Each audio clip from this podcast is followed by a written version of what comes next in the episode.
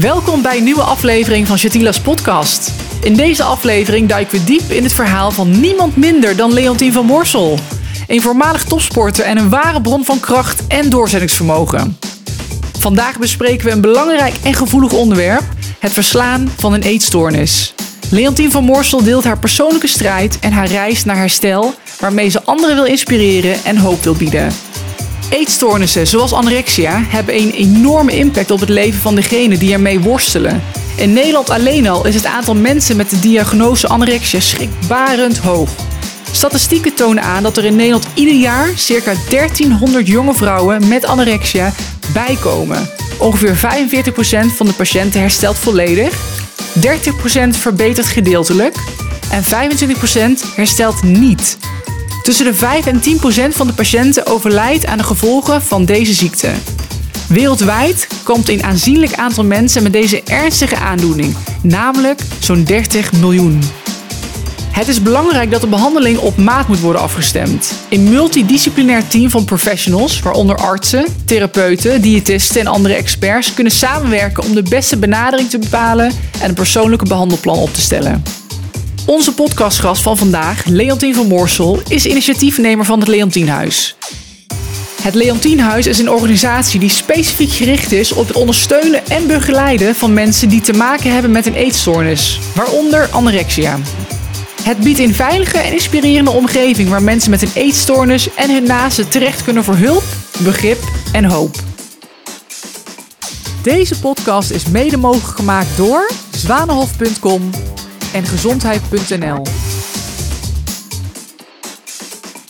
Dankjewel voor het komen. Niet zomaar iemand. Ik kan ben jou toch op de fiets, hè? Nou, niet. Nee, je bent komen wat met de auto Met de en een auto. stukje komen lopen. Maar ik vind het heel leuk dat je er bent, want ik kan jou ook een vriendinnetje noemen.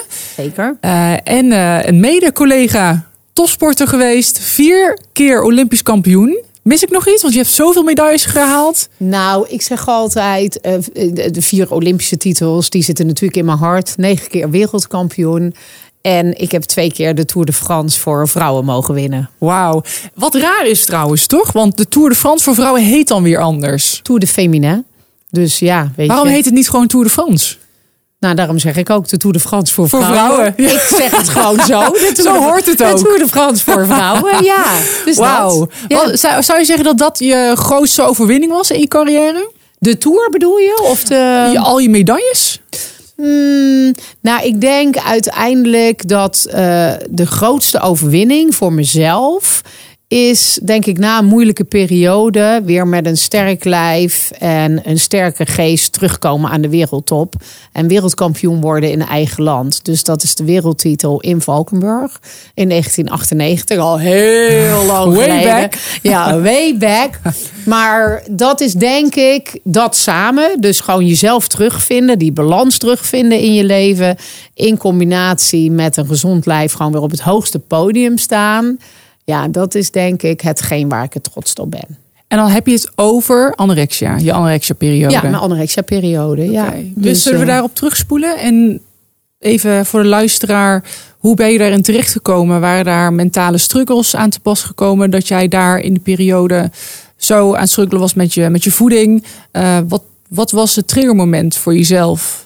Nou, ik je denk dat ik, eh, je, ik geloof als ik niet aan topsport had gedaan, ehm, dat de eetstoornis mij niet was overkomen. Ehm, maar ik ben heel erg gedreven. En ik dacht dat ik dat nodig had om uiteindelijk de Tour de France voor vrouwen te winnen. Ehm, ja, en eh, Want je moet die berg op natuurlijk. En jij dacht, ik moet lichter worden. nou ja, ik dacht gewoon eigenlijk gewoon heel simpel. Ik dacht, ja, iedere kilo is er één. En dat is ook zo, bergop. Maar je moet wel weten wanneer je stopt. Uiteindelijk, als je helemaal doorslaat naar de andere kant... en je bent alleen maar licht en je hebt een eetstoornis... ja, dan win je nog wel op je... eh, op, je, op je mentale kracht win je die Tour de France. Maar fysiek voel je eigenlijk dat het steeds slechter met je gaat. Dus dat zou ik niemand aan willen raden. Ja, maar toch heb jij dus gewonnen. Ongelooflijk überhaupt dat je op mentale kracht zoveel kan bereiken. En nog nog een Tour de France kan winnen. Maar ik ben Maar- daar niet trots op. Je mag er niet trots op zijn, nee. En, en daar ben je het uiteindelijk wel trots op, maar niet op de manier hoe je het op dat moment hebt gedaan. Maar dat was op, voor jou was het natuurlijk geen andere mogelijkheid. Er, was, er zat geen andere weg in. Want ik denk dat het ook ik denk dat anorexia een stukje mentaal is. Uh, nou ja, uiteindelijk wordt het natuurlijk wel een mentaal ding. Weet je, dan zit het echt in je hoofd en daar word je gek van. Uh, weet je, als je de dag alleen maar een soort dubbele persoonlijkheid in je hebt zitten. Ja, dat is, dat is vreselijk. Dat is echt, dat, ja, dat is gewoon een drama. Dat is, uh, nou, ik, dat gun ik echt mijn grootste concurrent. Gun ik niet.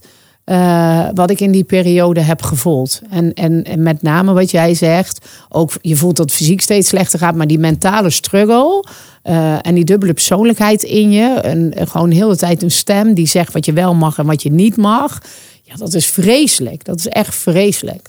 Kan jij de luisteraar een klein beetje door die dag heen nemen, als je ons terug wil nemen, hoe Leontien van Moorsel op dat moment in een anorexie-periode dan dacht? Hoe ging je om mentaal met eten? Dacht je dan totaal niet meer aan? Sloot je dat totaal buiten? Dacht je alleen maar aan sport, ik moet afvallen en ik ja, maar denk je niet aan? Ja, je denkt wel aan eten. En iedere keer als je wat hebt gegeten, je eet bijna niks meer. Maar op het moment dat je hebt gegeten, dan voel je je echt mega schuldig. En dan gaan er constant gaan die getalletjes door je hoofd van... oh, ik heb nu dit gegeten en daar zit, zitten zoveel kilocalorieën in. En, uh, Met echt een tellen? Ja, je bent constant ben je aan het tellen. Constant ben je bezig met die getalletjes. Je bent al bezig s ochtends met wegen. Dan denk je, oh, dat getalletje op de weegschaal. En als ik met nu jezelf eet, wegen. Met jezelf wegen. Of over het voedsel wegen. Nee, het voedsel niet, maar wel jezelf wegen. Gewoon constant. Uh, en in de tour deed ik dat dan drie keer op een dag. Had ik een weegschaal bij. Maar uh, uh, op het moment dat ik thuis was, dan, ja, dan, dan, dan woog ik wel twintig keer op een dag.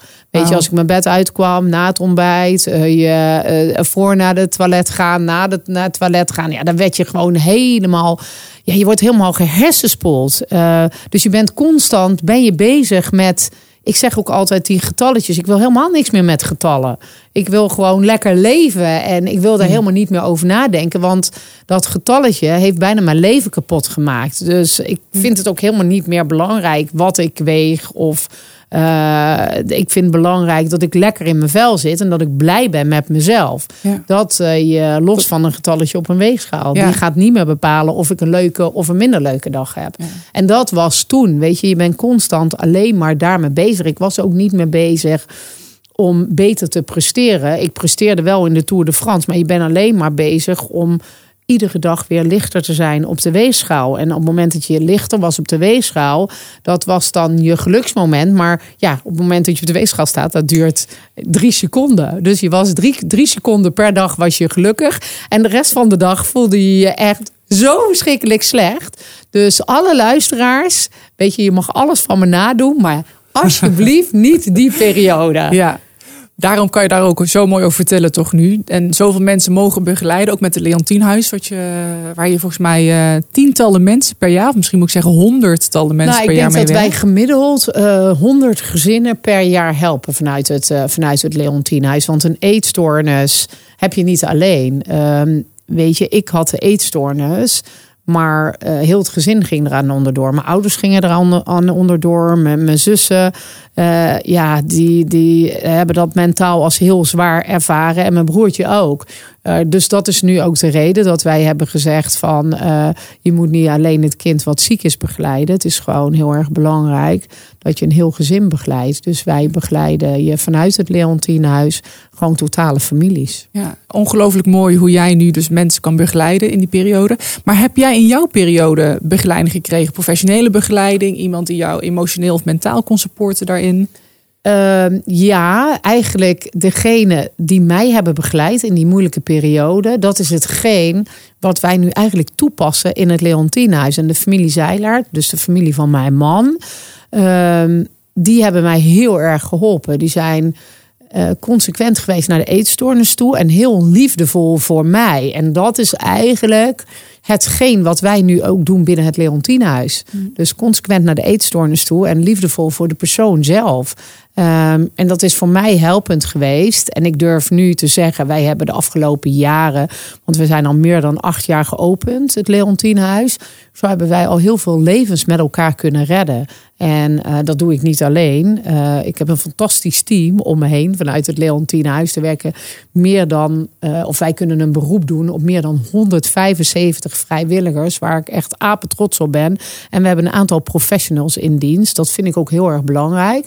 Want ik heb het zelf ervaren. Ehm, maar de professionals hebben ervoor gestudeerd. En ik vind dat moet je ten alle tijden moet je dat samenvoegen. En dat doen we vanuit het Leontinehuis. En ehm, ja, we maken echt het verschil. Dus uh, daar ben ik echt trots op. Daar ben ik ook trots op hoor. Ja. Wat een legacy waar je, wat je daarmee achterlaat. Ja, weet je, ik gebruik niet zo heel vaak het woord trots. Maar uh, ja, ik, natuurlijk ben ik ook trots op mijn, op mijn wielrencarrière. Maar daar maak je mensen blij mee. En hier redden we echt levens. Hier, hier maken we echt met elkaar het verschil. En uh, dan durf ik wel het woord trots durf ik wel uit te spreken. Daar mogen we met elkaar, met al die lieve vrijwilligers en die professionals, daar mogen we met elkaar gewoon ongelooflijk trots op zijn. Ja, want er zijn heel veel mensen, ruim 200.000 mensen, kinderen, die met nou, Niet alleen kinderen, het is veel breder. Maar dit zijn de getallen die geregistreerd uh, staan. Uh, maar er zit heel veel schaamte. Uh, dus er zijn heel veel gevallen die niet geregistreerd zijn, omdat er schaamte is. en kijk, anorexia, dat zie je aan de buitenkant. Maar er zijn ook heel veel mensen die lijden aan bulimia. En dat zie je niet. Maar ja, die maken van binnen ook heel de lijf kapot. Door uh, het zuur wat vrijkomt op het moment dat je gaat spugen.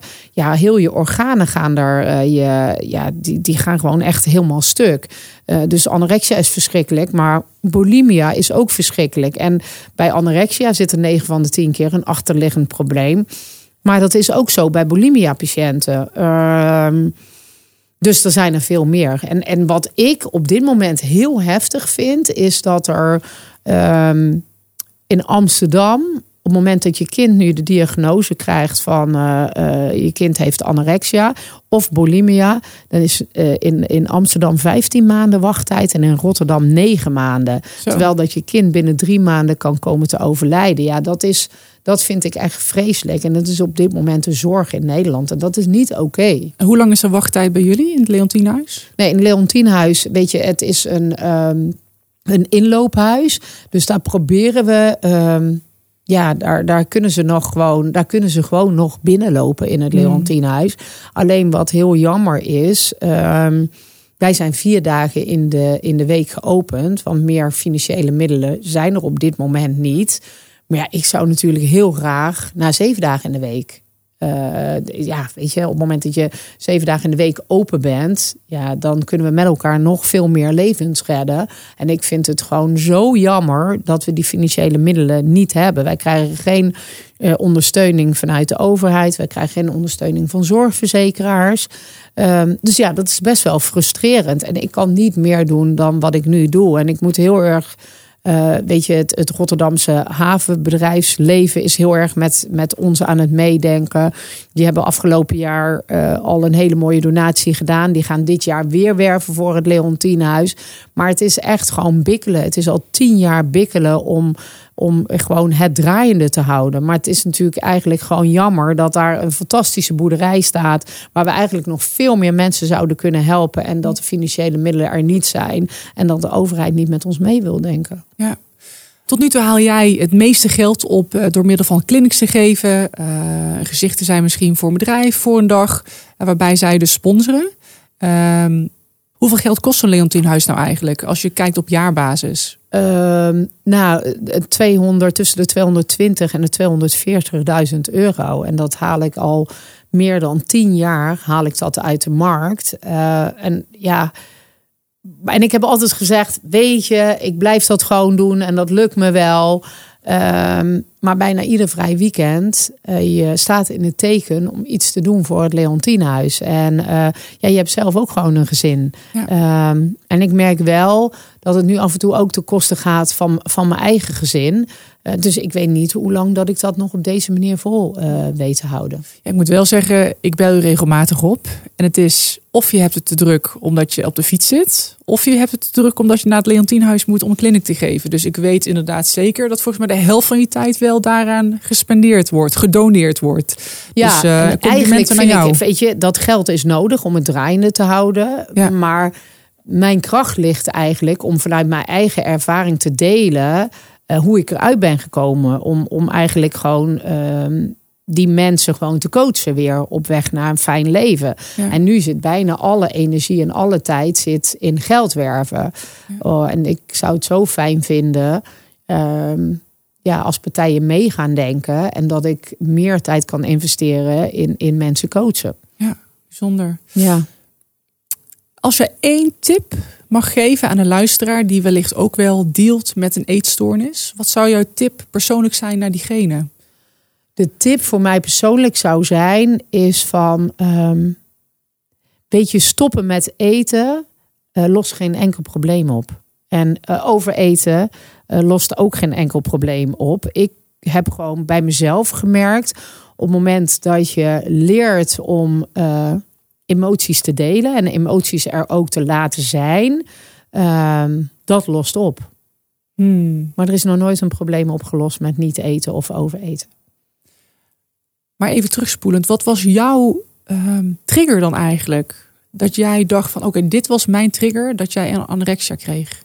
Nee, mijn trigger is echt gewoon geweest van wat ik net aangaf van de Tour de France. Ik was wereldkampioen en ik wilde heel graag aan die top blijven. En eh, ik dacht dat ik dat nodig had om nog minder te eten. En dat ik dan de Tour de France zou winnen. En ik won ook die Tour de France. Maar dat ging wel samen met, eh, je, ja, met je vreselijk voelen. Ja. Je hebt me ooit verteld het verhaal over hoe jouw man, Michael, eh, je ook wel een klein beetje heeft gepusht uit eh, de anorexia-periode. Kan je daar een kleine samenvatting van geven? Of een klein snippet aan de luisteraar? Nou ja, je moet je eh, voorstellen op het moment dat je wereldkampioen wordt en je wint de Tour de France, dan ben je voor iedereen een held en iedereen vindt jou geweldig. Dus iedereen zegt, ah, fantastisch. En nou ja, ik leerde Michael leerde ik kennen een half jaar voordat ik mijn eerste Tour de France eh, won. En in eerste instantie, mijn man heeft zelf vroeger ook altijd gefietst. In eerste instantie dacht hij van, nou, dit is normaal om eh, aan de top je te komen en ook aan de top te blijven. Maar hij heeft dat zo'n half jaar heeft hij dat aangekeken. En toen dacht hij, ja, maar dit is niet normaal. Weet je, zij kan nog honderd keer de Tour winnen. Maar ik ga steeds meer om deze persoon geven. En ik zie gewoon dat zij eh, zich mentaal en fysiek helemaal aan het kapotmaken is. Ehm, dus eh, ja, hij was eigenlijk de enige die op dat moment eerlijk tegen mij was. En die zei van ja, ehm, ik trek het niet. Ik ga, hier, ik ga hier zelf ook aan onderdoor. Ik geef zielsveel om jou, maar ik kan, ik, kan dit gewoon niet aanzien. Dat, eh, je, dat iedereen zegt dat, dat je het fantastisch doet. Terwijl dat ik zie dat het eigenlijk heel erg slecht met je gaat. Dus Michael die beëindigde eh, onze relatie.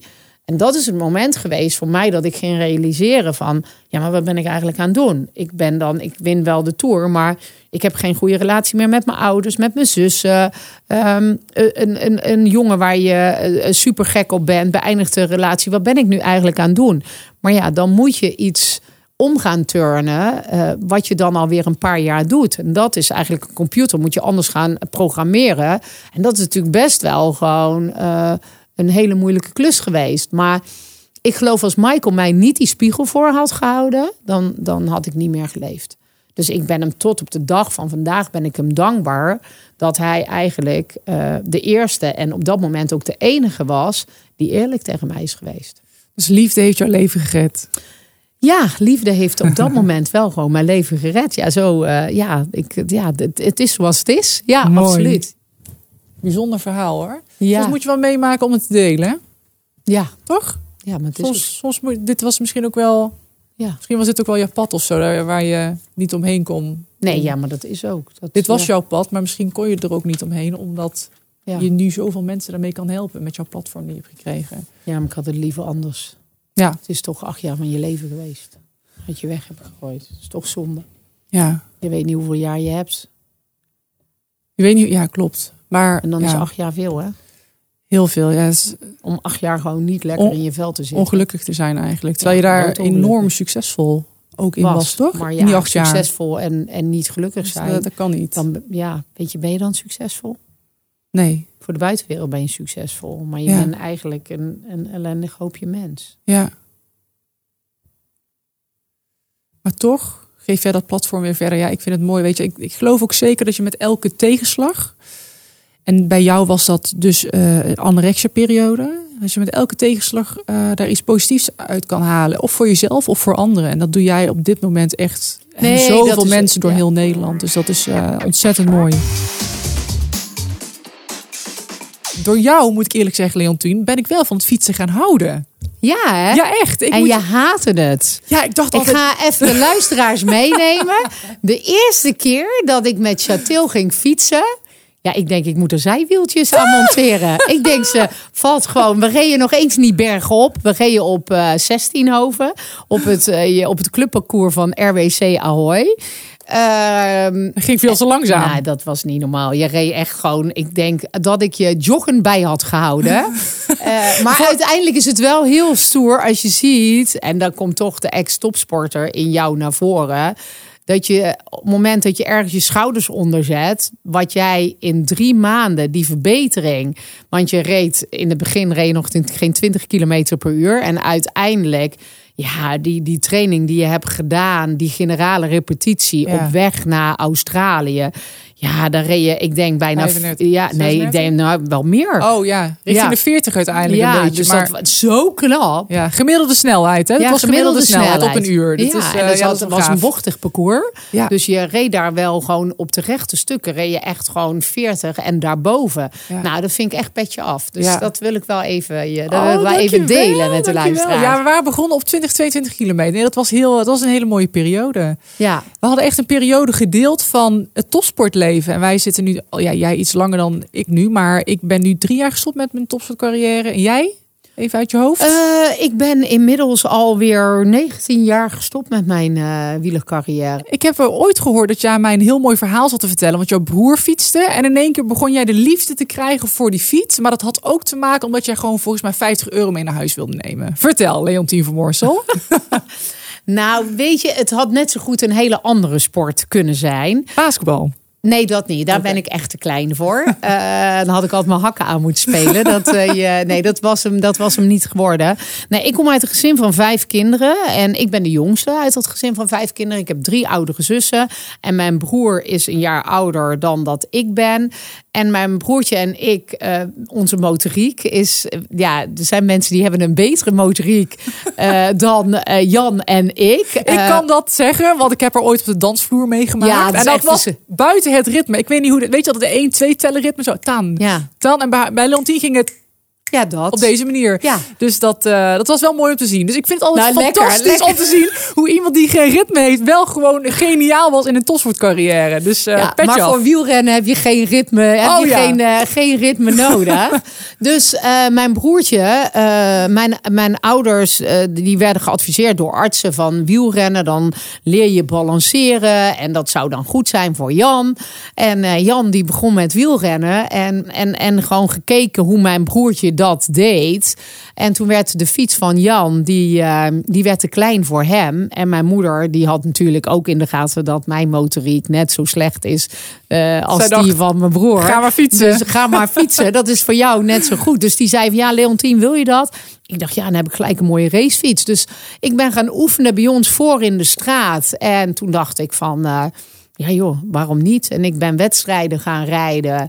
En ehm, ja, als ik dan terugga naar die herinneringen, dan was er gelijk al gewoon dat ik ging kijken van wat voor prijzen, hoe groot dat de bekers waren. En hoe groter de bekers waren, hoe meer dat ik mijn best ging doen. En als ik nu ook foto's zie uit die periode, dan zie je gewoon al een heel gedreven sportmeisje. Je ziet een meisje die uh, maar voor één ding gaat en dat is voor de winst. Echt gewoon met snot uit mijn neus en echt gewoon al afzien. Ehm, ja, en als ik nu wel eens naar jeugdwedstrijden ga kijken, dan zie je nog van die gedreven uh, sport, uh, sportkinderen. Maar je ziet ook kinderen die sport op een hele andere manier beleven. Die als je komt kijken, dat ze zwaaien. Nou, ik had geen, ik had geen momenten tijd om te zwaaien als mijn oom of tante kwamen kijken. Ik wilde maar één ding. Je moest winnen. En dat was als eerste over de streep komen. En als ik niet won ja, dan ging ik ook slecht om met tegenslagen. Ja? Ik, dat heb ik echt moeten leren. Ja, als kind, als ik niet won, nou, dan was ik niet te genieten. Ik wil niet zeggen dat ik de fiets over de dranghekken uh, pleurde, op zijn Rotterdams gezegd. Maar ik, ja, ik was ook niet de beste versie van mezelf, zeg maar. Die grootste beker, die moest naar jou toe. Die grootste beker, die wilde ik gewoon hebben. was dat ook gewoon jouw een- drijfveer misschien? Van, eh, er is alleen maar één plek voor mij. Dat is dat op, dat, op die nummer één staan op het podium. Nou, ik wilde, ja, ik wilde wel gewoon het beste uit mezelf halen. En het liefst wilde ik winnen. En als ik niet won, dan was ik teleurgesteld. Ja, en dan ging ik ook echt, hoe klein ik ook was, maar dan ging ik ook echt voor mezelf, ging ik gewoon kijken van ja, wat heb ik verkeerd gedaan? Ik ging echt die koers analyseren, wat moet ik anders doen? En ja, ik voelde ook gewoon als jong meisje al dat ik dat hier mijn talent lag.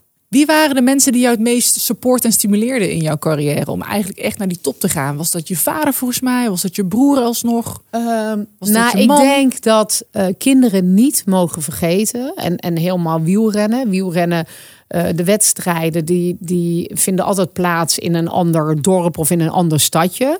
Ehm, dus de basis liggen wel echt thuis. Mijn, mijn ouders hadden eerst een aannemersbedrijf. En dat ging in de jaren tachtig, ging dat aannemersbedrijf ging, eh, ging failliet. En wielrennen is een, een, een dure sport. Ehm, dus ja, die hebben echt iedere gulden om moeten draaien om überhaupt mij te kunnen laten fietsen. Die hebben mij toch, ondanks dat het financieel niet altijd makkelijk was, altijd gezorgd dat ik bij de wedstrijden kwam, dat ik het juiste materiaal had. Dus de basis ligt echt gewoon bij mij thuis. Ik ben mijn ouders ongelooflijk dankbaar. Als mijn ouders dat niet hadden gedaan, ehm, dan had ik nooit zoveel uit mijn carrière kunnen halen. En ik vind eh, dat eh, je eh, wielrensters en, en wielrenners, maar ook voetballers, ehm, die mogen dat niet vergeten. Want sport, of, ouders van, van topsportkinderen, ja, die moeten zichzelf ook heel veel ontzeggen om, om een kind drie of vier keer per week naar een club toe te brengen. Absoluut, ja. Ja, ik ken het ook vanuit mijn, mijn ouders. Ja, De dagen en de nachten dat we naar het buitenland moesten rijden om bij de beste trainer gecoacht te worden. Ja, maar ik vind het altijd mooi om te, om te horen hoeveel liefde eigenlijk ouders hebben voor een kind. En ook als je hoort, zoals bij onze verhalen en bij jouw verhaal, hoeveel je ouders nou ja, voor je over hadden om jou naar die top te brengen. Zelfs in een faillissement hun laatste centjes aan eh, die kleine Leontien uitgeven. ja dan mag je, dat mag je. Ik vind, je mag nooit de, de basis waar het vandaan komt, mag je nooit vergeten. Hoe succesvol je ook wordt. ja. Ehm, ik vind dat gewoon heel erg belangrijk dat je jezelf dat altijd blijft realiseren. Wat is jouw mooiste herinnering ehm, als je terugdenkt aan je sportcarrière en de mensen die jou ehm, gesupport hebben? Dus ik denk voornamelijk je ouders of je man. Nou, ik denk toch Valkenburg. Valkenburg, het moment dat ik mezelf terugvond. Maar ook het moment dat je eh, dan je man, eh, maar ook je ouders in je armen sluit. En ik kan me nog één moment heel goed realiseren. Eh, dat heb ik pas later heb ik dat teruggezien. Dat is je de laatste kilometer in de wegwedstrijd in, ehm, in, in Sydney. Hoe mijn vader die laatste kilometer heeft beleefd. Mijn vader leeft niet meer, is tien jaar geleden overleden. En is altijd hartpatiënt geweest vanaf zijn 34ste. Nou, dat hij het daar überhaupt niet aan zijn hart heeft gekregen. Maar ze hebben hem gefilmd die laatste kilometer. En eh, op de manier dat hoe hij mij aanmoedigde voor dat grote scherm in Sydney. Ja, dat is voor mij echt gewoon, dat is gewoon kippenvel. Echt van Tines, Tines, Tines. Hij eh, gewoon, weet je, het echt met, met zoveel liefde, met zoveel. Dan denk ik van, eh, ja, dat is mooi. Dat zijn herinneringen. Weet je, hij is er niet meer, maar die herinneringen zijn voor altijd. En, en die zitten in je hart. En ehm, ja, dat eh, je. Neemt niemand je meer weg? Dat, nee, nee, dan neemt Ja. niemand je meer ik kan af. zelfs niet met tranen in mijn ogen, die moet ik even weg. Nee, maar dat is, nee, maar dat is Dat is zo mooi mooi. Zo mooi dat hij. Nou ja, dat, hoe intens. Ik, natuurlijk heb ik altijd geweten dat ze heel intens mee hebben geleefd. Maar ja, als ik nu die beelden. En ik kijk helemaal niet vaak beelden terug van mezelf. Maar als ik die beelden terugzie, dan denk ik: Och, Ah, papa. Denk Echt? ik echt, ja. Zoveel liefde. Ja, zoveel. Ja, dat, is wat je, dat is wat je voelt. Dat is wat je ziet. Dat is wat je hoort in zijn stem. Ja, dat is gewoon heel Ah. mooi. Heeft die liefde je ook misschien wel zo ver gebracht? Ja, ik denk wel de liefde en het gesprek voor mijn ouders, maar dat is heel Ja. dubbel. Ja. Want het heeft me ver gebracht, maar dat heeft me ook eh, bijna, dat, dat heeft ook bijna mijn leven gekost. Want heel eerlijk, ehm, die Tour de France die ik won, ik zag dat toen de zaak van mijn ouders failliet ging, ehm, zag ik dat ik ze met uh, sportprestaties, dat ik ze een stukje levensgeluk teruggaf. Uh, en ook de tour. Ik weet nog dat ik de laatste etappe reed uh, op weg naar mijn eerste toeroverwinning. Toen heb ik alleen maar, ik was helemaal kapot. Ik was echt verrot. Ik kon niet meer. En, en, en de etappe naar Alpe d'Huez toe heb ik alleen maar gedacht: ja, maar mijn ouders hebben iedere gulden omgedraaid om jou te laten fietsen. En jij gaat nu afgeven omdat jij pijn in je benen hebt. En ik heb echt, ja, dat heb ik echt voor mijn ouders gedaan. Maar dat had ook net zo goed had dat helemaal fout af kunnen lopen. Zo diep ben ik daar gegaan. Dus ja, zo diep zit je, ja, zo, dat, ja, zo diep zit die liefde. Ja, dus. Um, heeft dat ook stiekem wel te maken gehad, niet alleen maar met de liefde voor je ouders en hoeveel zij voor jou hebben gedaan, maar ook een stukje met. Uh, zij zaten natuurlijk uh, een, een, periode in, uh, in een faillissement. dat jij dat geluk elke dag aan hun wilde geven om daar niet meer aan te denken? Nou, ik, ik zag gewoon, ze waren, weet je, dat heeft altijd pijn gedaan. Als je jarenlang gewoon heel hard hebt gewerkt om een zaak op te bouwen en dat gaat failliet. Dat is natuurlijk heel verdrietig, uh, is dat geweest voor mijn ouders. Maar ik zag gewoon als ik won, ja, dat vond ik gewoon zelf. Daar haalde ik zelf ook weer kracht en energie uit. Maar ik zag gewoon dat uh, mijn ouders dat een stukje levensgeluk teruggaf. En dat moment uh, ja, dat vond ik dan heel fijn. Maar zij hadden dat op deze manier ook niet gewild. Dat ik mezelf bijna de dood injaagde om, om mijn ouders een stukje levensgeluk terug te nee, geven. Precies, ja. Dat is, uh, ja, dus dat is gewoon niet goed geweest. Ja. Hey, jouw man, Michael, die heeft jou volgens mij ook gecoacht in jouw carrière. Klopt dat, hoe ik dat zeg? Of uh, ja, ja, was hij meer gewoon het, een mental support? Nee, nee, nee, zeker niet. Zeker niet. Dat is je ik heb een aantal goede coaches gehad in mijn carrière.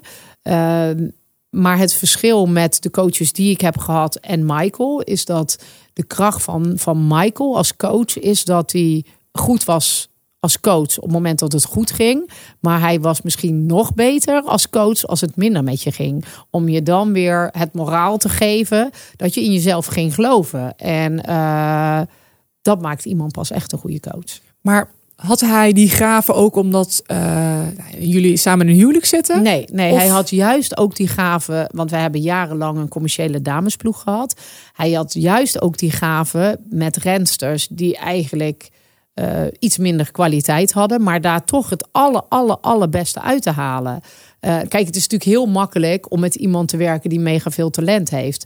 Maar het is vele malen knapper om van iemand een topper te maken die minder talent heeft. En ja, daar, daar was Michael echt heel goed in. Nou, dus je hebt de juiste man uitgekozen. Niet alleen privé, maar ook zakelijk gezien. Nou ja, zakelijk, maar sportief. Zakelijk, maar sportief. Nee, ook zakelijk, maar ook sportief gezien. Juist, ja, zeker. Ja, ja is een klein grapje. is een klein grapje. Ja. Die mag gemaakt worden, maar je hebt er goed uitgekozen. Ja, zeker, zeker.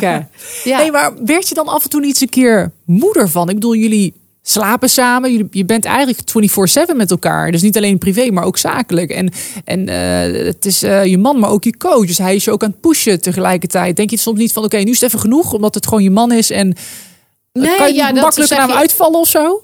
Nee, het is ook wel weer fijn om helemaal mindere periodes om die arm om je heen te hebben. Dat realiseerde ik me ook wel. Dat hadden andere rensters niet in de wielerploeg. En ik had altijd wel uh, op het moment dat ik een, een, een, een, moeilijke dag had, had ik toch die armen om me heen. Uh, S'avonds dan kon ik toch met iemand sparren. Wat ik wel als moeilijk heb ervaren is dat uh, je maakt deel uit van een ploeg. Michael zit in de ploegleidersauto, ik zit in de koers. En af en toe zag hij het anders. Um, en dan ja, voelde ik echt dat ik tussen Michael en de rensters in stond. Uh, en dat heb ik wel af en toe als, als zwaar ervaren. Want uh, je wil je ploeggenootjes niet afvallen, maar je wil je eigen man ook niet afvallen. Ja. Uh, dus ja, maar uiteindelijk zijn we er altijd wel gewoon goed uitgekomen. Maar dat, ja, soms zijn dat ook wel eens moeilijke situaties geweest. Ja. Neemt dat dan ook een soort van backlash op je huwelijk op dat moment? Stel voor als jullie een clash hebben, nou ja, in je carrière gezien, als, als, als hoe moet dat zeggen, wielrenster coach. Nou ja, de rensters binnen onze wielerploeg, die wilden altijd, die, als, wij, als ik eh, ruzie had met Michael en helemaal op trainingskampen, hadden ze echt zoiets, oh alsjeblieft niet, want ik... eh, zette dat altijd om, zeg maar, eh, in, in heel hard trainen. Want dan was ik het kwijt. Dus die meiden die hadden altijd zoiets van, nou alsjeblieft, blijven jullie op één lijn zitten. Want anders moeten wij echt... Ze moesten altijd al afzien, maar dan moesten ze nog meer afzien. Okay. Dus uh, die, die vonden het nooit zo fijn als er een conflict was tussen, je, tussen mij en Michael. Nee. Je hebt best wel lange carrière gehad. Ja. Uh, je was volgens mij boven je veertigste. Nee, nee, ik was 34. Oh, 34? Ik was 34 toen ik mijn wielercarrière beëindigde. En toen was ik er ook echt klaar mee. Ik wow. merkte gewoon in het laatste jaar van mijn wielercarrière dat ik... Uh, je, als topsporter moet je gewoon egoïstisch zijn. En ik voelde gewoon in het laatste jaar van mijn wielercarrière... dat ik uh, steeds um, socialer werd. En dat het pijn deed als, uh, als ik gevraagd werd uh, voor een verjaardag van mijn nichtjes en neefjes.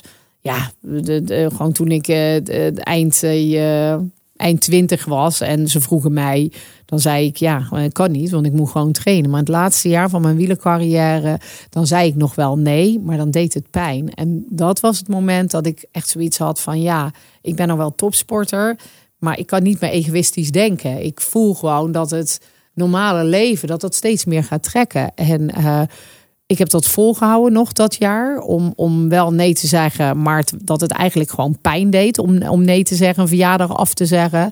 En uh, toen heb ik te spelen, heb ik uh, de, de, de drie kilometer achtervolging. Dat laat, was mijn laatste Olympische optreden.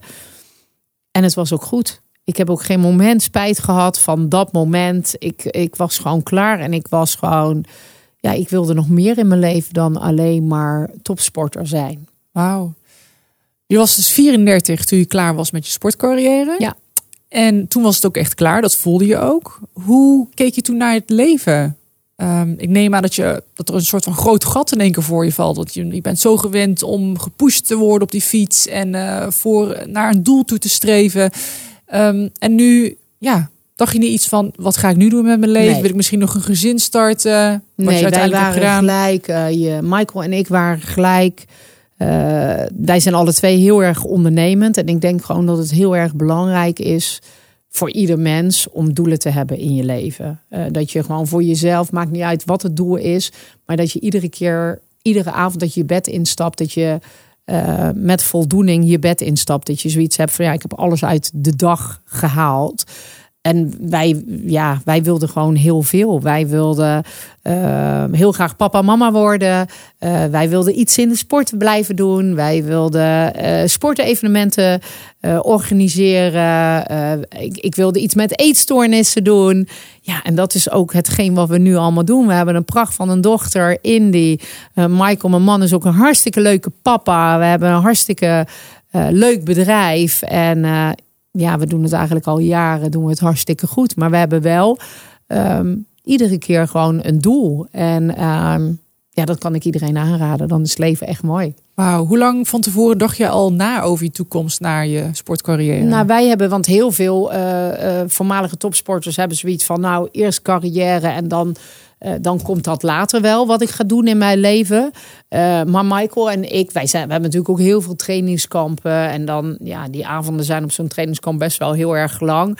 Hebben wij heel veel zitten brainstormen van, ja, waar liggen jouw interesses? Waar liggen mijn interesses? Kunnen we dat samenvoegen? Wat gaan we doen? Dus wij hebben al heel veel uh, gesprekken gevoerd in het laatste jaar van mijn wielercarrière. Wat we zouden gaan doen na het beëindigen van mijn wielercarrière. Je hebt volgens mij echt een balans gevonden in je leven. Maar niet eens gevonden, dat heb je volgens mij altijd gewoon gecreëerd. Uh, nee, die heb ik wel moeten vinden. Want ik ben natuurlijk heel lang de balans kwijt geweest. En, Na je eetstoornis? Na mijn eetstoornis. Uh, ik ben acht jaar de balans kwijt geweest. Ik heb ja. uh, 43 kilo gewogen. Ik heb, daarna ben ik helemaal doorgeslagen naar de andere kant. En ben ik een tijdje, heb ik echt overgewicht gehad. En ja, nu, ja, ik heb eigenlijk in alles qua werk, privé, uh, voeding, sport. Ja, nu durf ik echt te zeggen, ik heb al meer dan twintig jaar die balans in mijn leven. En dan is het leven nog niet altijd leuk. Want het is niet zo dat mijn leven altijd leuk is. Maar ik durf wel echt hardop te zeggen, als je die balans hebt weten te vinden in je leven, dan ga je ook veel makkelijker om met tegenslagen. Wauw. Balans is het woord en het thema voor deze podcast. Dankjewel. Ja, graag gedaan. Leontien, voor je bijzondere verhaal. Ja. En uh, snel weer de fiets op dan binnenkort. Ja, je moet eraan geloven. Oké. Okay. dus weet erover. Tot de volgende. Doei.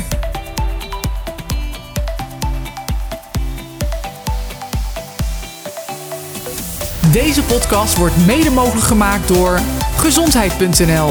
Het platform met het laatste nieuws uit onze gezondheidszorg. En zwanenhof.com. Het landgoed waar zorgmedewerkers gratis kunnen onthaasten en opladen. Wil je meer weten over deze podcast of mij een bericht sturen?